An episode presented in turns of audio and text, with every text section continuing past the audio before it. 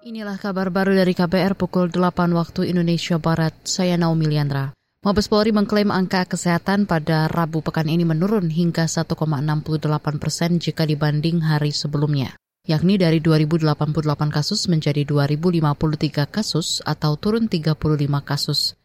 Juri bicara Mabes Polri Ahmad Ramadan memerinci kasus pencurian dengan pemberatan paling banyak terjadi, yakni 172 kasus disusul narkoba sebanyak 135 kasus. Sementara itu untuk kasus kecelakaan lalu lintas terjadi sebanyak 570-an kali. Jumlah ini juga turun 8 persen dibanding hari sebelumnya. Dari jumlah itu, 60-an orang luka berat, 580-an luka ringan, dan 50 orang meninggal. Kerugian material ditaksir mencapai lebih 850 juta rupiah.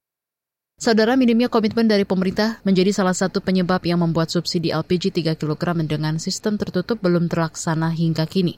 Akibatnya penyaluran LPG bersubsidi tidak tepat sasaran. Padahal menurut pengamat energi UGM, Fahmi Radi, pembatasan penyaluran dengan sistem tertutup bisa dilakukan segera.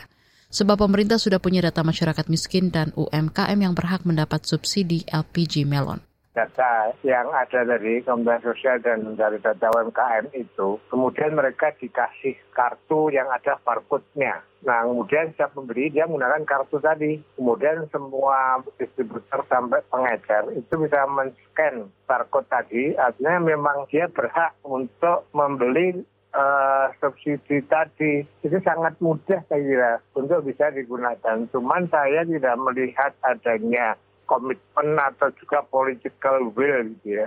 Fahmi Radi menilai penyaluran subsidi LPG 3 kg yang tidak tepat sasaran saat ini menyebabkan kerugian negara. Kata dia, selama pembatasan sistem distribusi tertutup tak segera dilakukan, pemerintah tak akan bisa memastikan distribusinya tepat, tepat sasaran. Sebelumnya warga di berbagai daerah mengeluhkan kelangkaan LPG 3 kg. Berdasarkan sejumlah temuan, LPG melon disalahgunakan oleh mereka yang tidak berhak seperti pemilik restoran besar dan orang-orang kaya. Virus flu babi Afrika telah masuk ke Sulawesi Utara Sulut. Gubernur Sulut Oli Dondokambe mengatakan kepastian itu didapat setelah Balai Veteriner Maros Sulawesi Utara memberikan kepastian tersebut.